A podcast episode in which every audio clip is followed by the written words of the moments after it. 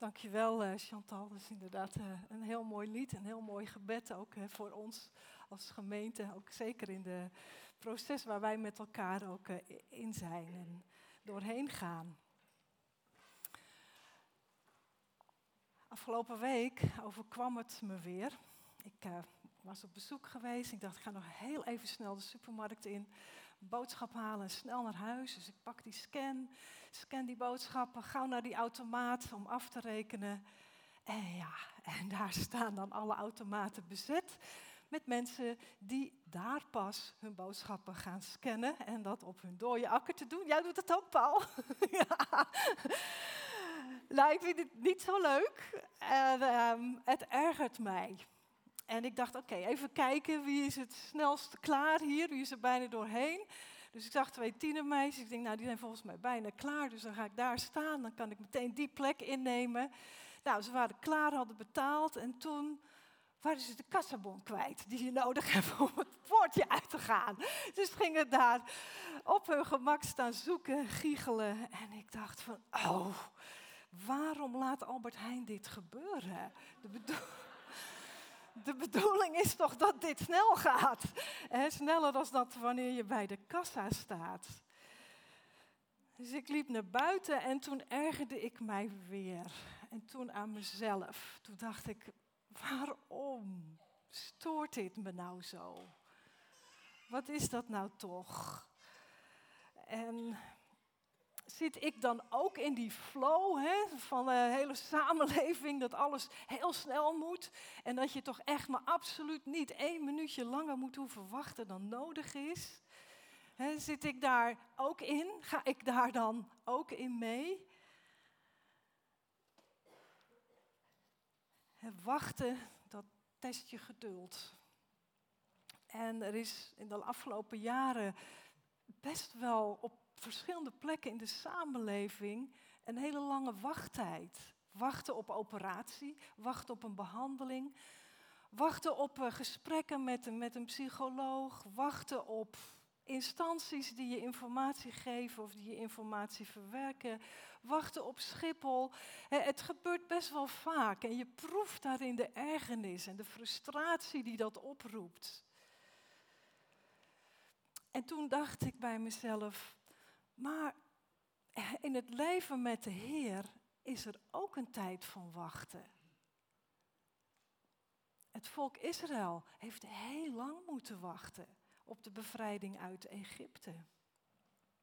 Ze hebben ook heel lang moeten wachten op de komst van de Messias. En in de psalmen, daar, daar gaat het ook best regelmatig op wachten. Wachten op de Heer. En wij wachten nu op zijn wederkomst. En soms denken we, Heer, wat houdt u nou nog tegen? Kom nu. Wat is er nog om op te wachten? Dus ik dacht bij mezelf, dat wachten wat wij met elkaar meemaken, gewoon in het dagelijks leven, gaat dat nou ook invloed hebben op ons wachten in het leven met de Heer? Is dat wachten wat wij doen met ongeduld? Gaan we nou ook zo om met het wachten op de Heer in ons leven? Kunnen we het eigenlijk nog wel? Wachten op die. Hebben we het eigenlijk wel geleerd om te wachten op de Heer? Ik heb eens opgezocht van wat is eigenlijk het verschil tussen wachten en verwachten. En wachten, dat is dan eigenlijk dat je op eenzelfde plek blijft of in eenzelfde situatie blijft. En blijf je daar wachten totdat er iemand komt of dat er iets gebeurt. Dus je blijft eigenlijk op je plek stilstaan. En we hebben er ook wat gezegdes over de kat uit de boom kijken. Nou, dat betekent al, je wacht het even heel rustig af. Of wachten tot je een ons weegt. Dat geeft ook al aan het ongeduld wat daar dan in zit. Dus wachten, dat heeft eigenlijk iets in zich van, je blijft op je plek stilstaan. Met je armen over elkaar wachten. Wat gaat er gebeuren? En verwachten. Het is maar een klein in het woord zelf een klein verschil en toch zit daar een, een andere betekenis in. Er zit een andere intentie in. Want als je iets verwacht, dan reken je erop dat het gaat gebeuren. Je rekent op iemand die gaat komen. Je verwacht het dat die persoon gaat komen. Je hoopt, je ziet tegemoet, je bereidt je erop voor op dat wat gaat komen. Dus verwachten, dat is actief. Daar ben je mee bezig. daar zet je je gedachten op. Daar ben je naar aan het uitkijken. Daar ben je mee bezig wat er gaat komen. Daar ben je zelf ook bij betrokken. En dat is denk ik het verschil tussen wachten en verwachten. Wachten ben je niet bij betrokken en verwachten, ja, daar ben je zelf ook helemaal bij betrokken. Nou, de adventtijd is begonnen en het is een tijd van uitzien naar de komst van de Heer. En dat is dus geen wachten, maar het is verwachten. Actief betrokken zijn, uitzien naar de komst van Christus in ons eigen leven, dat tegemoet zien. Dus daar willen we deze komende adventszondagen mee bezig zijn, om weer te leren verwachten en niet wachten. Dus betrokken zijn. En onze leermeester, zo noem ik hem maar even, is de profeet Jeremia. Dus we gaan delen, lezen, kijken naar het boek Jeremia, hoe hij ons leert wat verwachten is. Actief betrokken zijn, wachten op de Heer. En Jeremia die eh, leefde zo rond het jaar 600 voor Christus. En dat was een enorme onzekere tijd voor het volk Israël. En het noordelijke rijk was toen al uiteengevallen en het zuidelijke rijk Juda was alleen nog overgebleven. En in die tijd nam de macht van het Babylonische rijk sterk toe. En het volk woonde nou precies op een plek die heel erg begerenswaardig was voor de omringende landen aan de Middellandse Zee. Dus het was strategisch en economisch van groot belang. Dus er was voortdurend een dreiging om overheerst te worden, om dat land, hè, dat het ingepikt kon worden voor eigen belang. En in 598 was het ook zover. Babylonië dat kwam binnenvallen. En koning Joachim en een hele bovenlaag van de bevolking, het leiderschap, handwerklieden, profeten, priesters, ze werden in ballingschap weggevoerd naar Babel.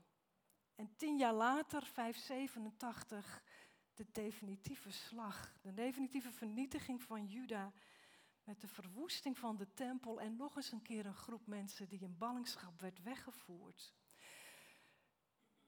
bleven ook mensen achter in Juda. Dus je had dus twee gemeenschappen. Een Joodse gemeenschap in Jeruzalem en Juda. En een Joodse gemeenschap daar ver weg in Babel. Uiteengerukt waren ze. En Jeremia die heeft de taak van God gekregen om het volk te vertellen waarom hen dit overkomt. En hij moet ze ook vertellen dat God toornig is, omdat ze niet gehoorzaamd hebben in de relatie die God met hen was aangegaan. En Jeremia door het boek heen, die laat ons zien, God is een hartstochtelijk God. Vol van hartstocht, vol van passie, vol van liefde.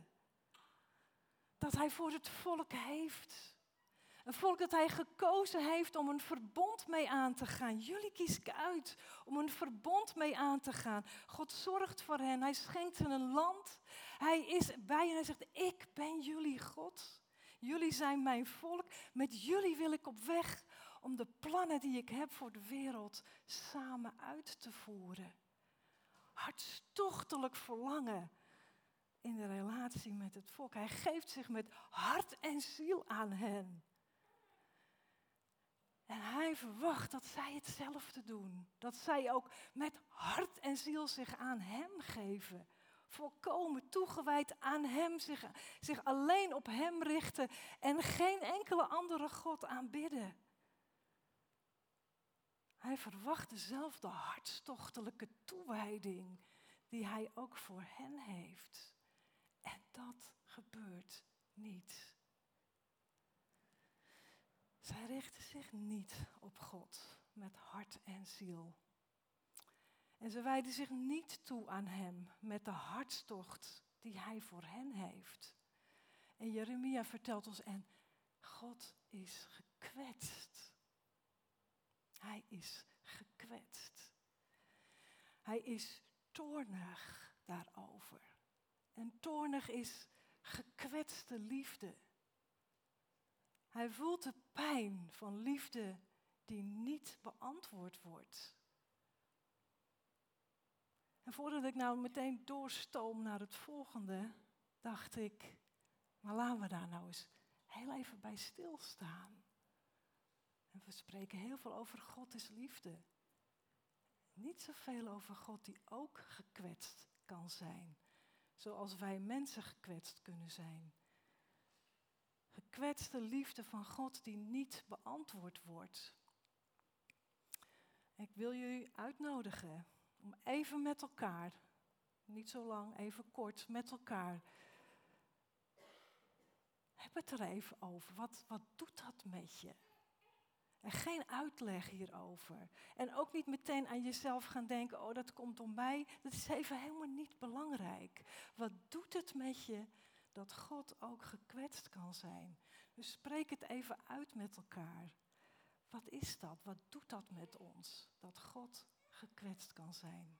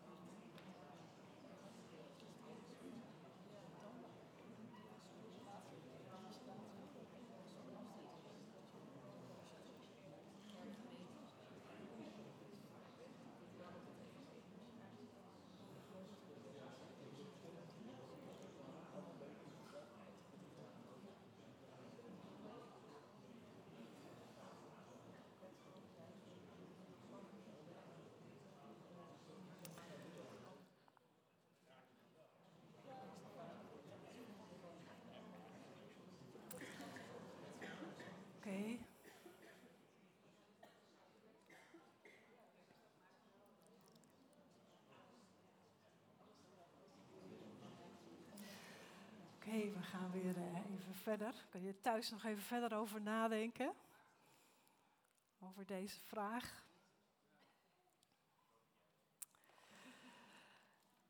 En uh, de, de toorn van God, die staat niet op zichzelf, maar die heeft altijd een doel. Dat God bij zichzelf denkt, ik moet iets doen. Ik moet iets doen. Ik moet ervoor zorgen dat het volk weer bij me terugkomt. Want hij wil deze relatie niet verbreken.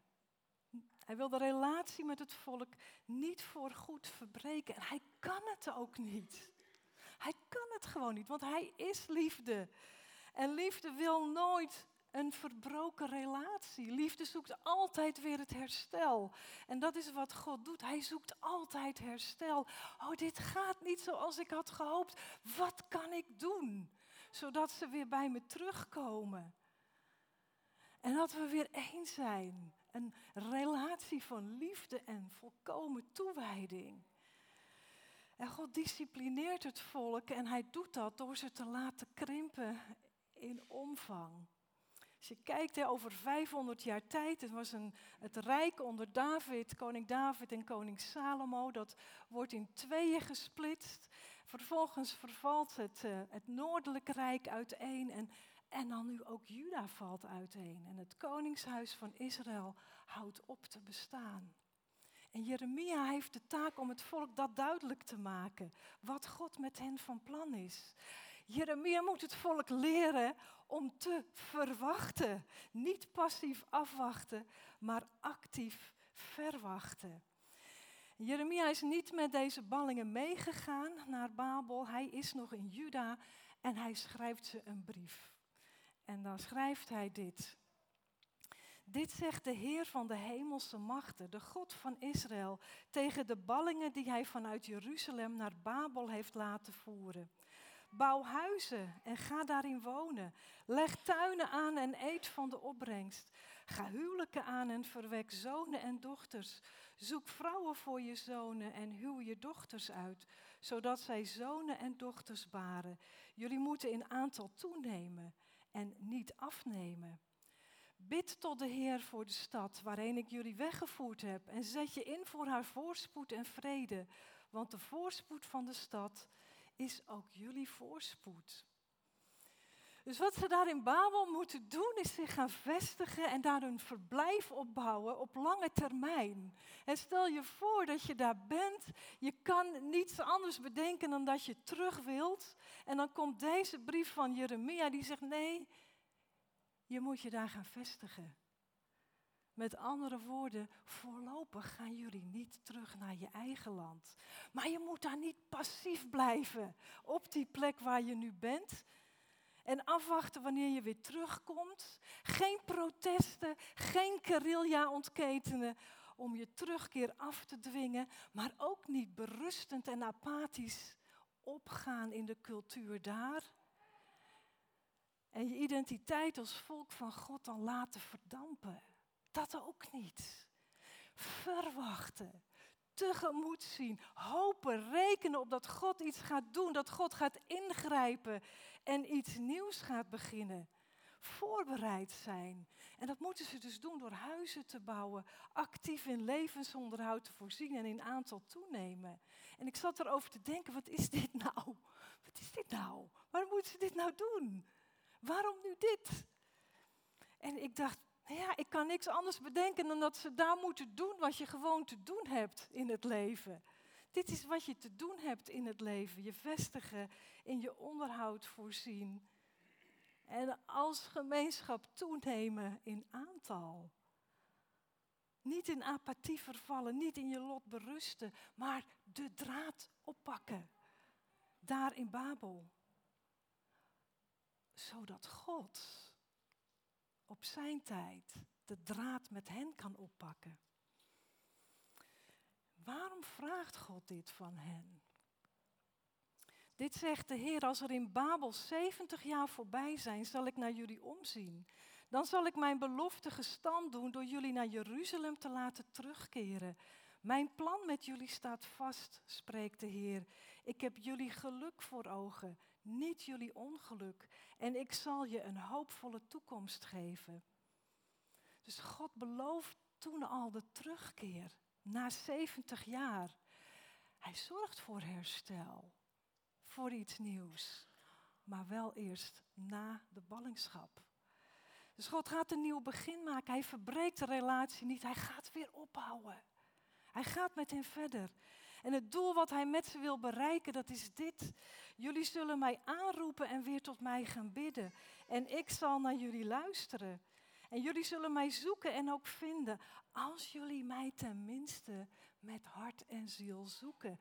Als jullie dezelfde hartstocht hebben die ik voor jullie heb. En ik zal me door jullie laten vinden, spreekt de Heer. En ik zal in je lot een keer brengen. Ik zal jullie samenbrengen uit alle volken. Waarheen ik je verdreven heb, spreekt de Heer. En je laten terugkeren naar Jeruzalem, waaruit ik je heb laten wegvoeren. Dus wat God doet, is hen op weg helpen om terug te keren op dat pad waar Hij zo graag wil dat ze zijn. Hem aanroepen, toewijding alleen aan Hem met hart en ziel. dat is wel de voorwaarde. Volkomen toewijding.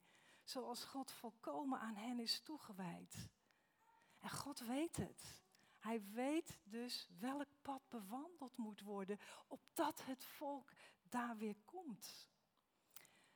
Hij wil dat ze de draad oppakken daar in Babel, zodat hij met hen de draad kan oppakken.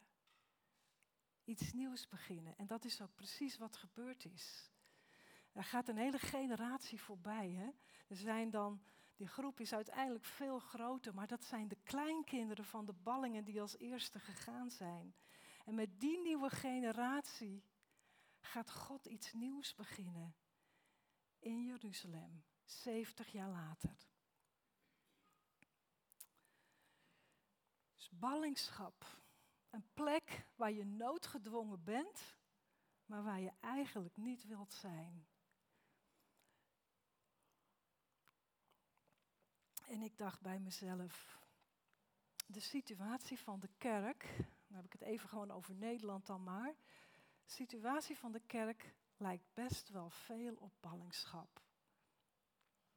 De kerkverlating is hoog, je leest het steeds in de krant. En het zijn vooral de mensen onder de 50 die de kerken verlaten, zoals ook hier bij ons.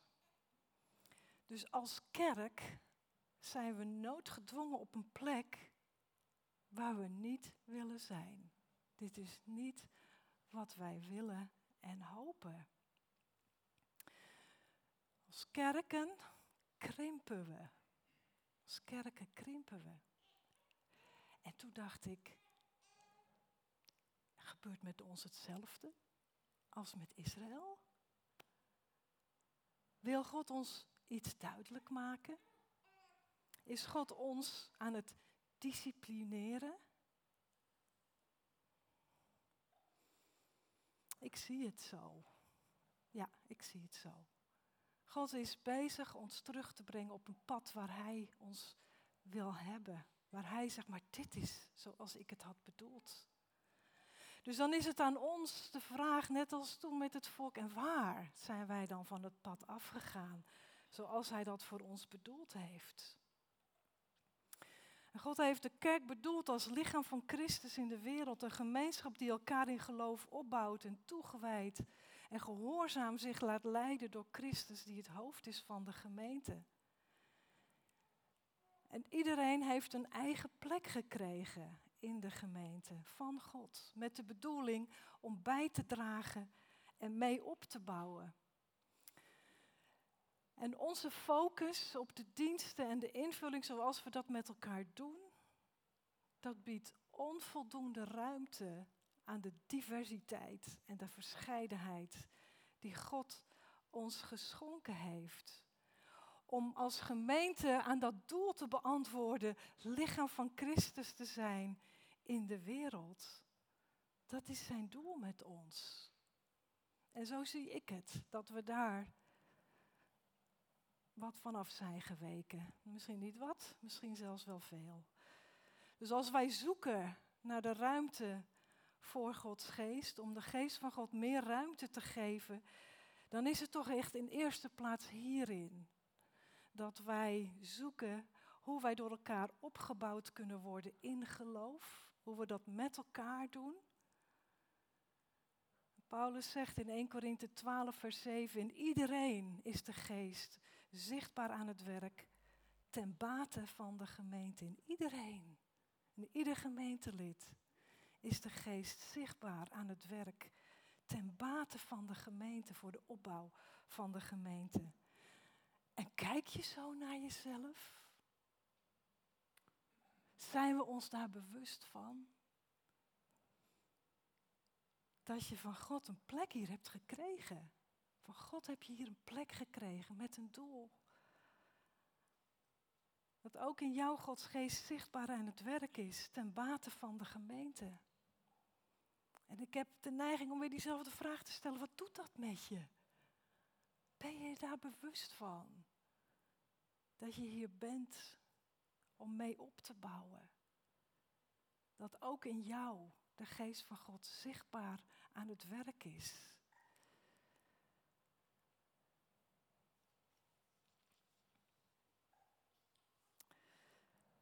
Dus wat Jeremia ons leert, is om in verwachting te zijn. Volle verwachting. Tegemoet zien wat God onder ons gaat doen. En erop rekenen dat God iets nieuws gaat doen. Dat is wat hij wil. Hij wil niet voor goed iets te niet doen. Hij wil opbouwen, herstel, steeds iets nieuws doen. En vraagt van ons om daar ons op voor te bereiden, wat hij wil gaan doen. En hij verwacht van ons dat wij de draad oppakken. Net zoals toen het volk, dat wij ook de draad oppakken. Dat we doen wat we te doen hebben, opdat God de draad met ons kan oppakken. En dan zeg je misschien, nou en wat is dan die draad? Nou, die hebben we zelf met elkaar al benoemd op 13 november, toen we met elkaar in groepen uiteen gingen. En uit de groepen kwam overal hetzelfde naar voren. Meer diversiteit en variatie in de invulling van de diensten. En daarbij wordt vooral ook gedacht aan hoe we in de samenkomst op zondagmorgen ervoor kunnen zorgen dat die onderlinge band versterkt wordt. Dat we de gemeenschap sterker kunnen maken, levendiger kunnen maken. Een familie, zoals uh, Mieke dat net ook zei. En dat is toch een hele mooie draad om op te pakken. Prachtig toch? En als het uit alle groepen naar voren komt, dan zeg ik, nou dat is de geest van God die ons dat laat zien. Dus dat gaan we doen. We gaan die draad oppakken. Die ideeën die we naar voren hebben gebracht, concreet uitwerken. Stap voor stap, beetje bij beetje. Het gaat niet allemaal tegelijk, beetje bij beetje. Omdat wij verwachten en tegemoet zien dat God, hè, als wij een hele draad hebben opgepakt, dat God die draad kan oppakken en iets nieuws onder ons kan beginnen, herstel kan brengen en dat wij kunnen zeggen, oh dank u Heer. Dit gebed wat we net gezongen hebben, zet ons weer in vuur en vlam en stort uw geest over ons uit. Heer, dat is waarop wij ons willen voorbereiden. Dat is het wat wij willen verwachten met elkaar. En Heer, wij gaan doen wat u van ons vraagt. En wij rekenen erop dat u doet wat u belooft. Dus als wij God aanroepen en tot Hem bidden, dan zal Hij naar ons luisteren. En als wij met hart en ziel Hem zoeken, dan laat God zich ook vinden. En daarop mogen we hopen, dat mogen we verwachten. Actief daarmee bezig zijn. Amen.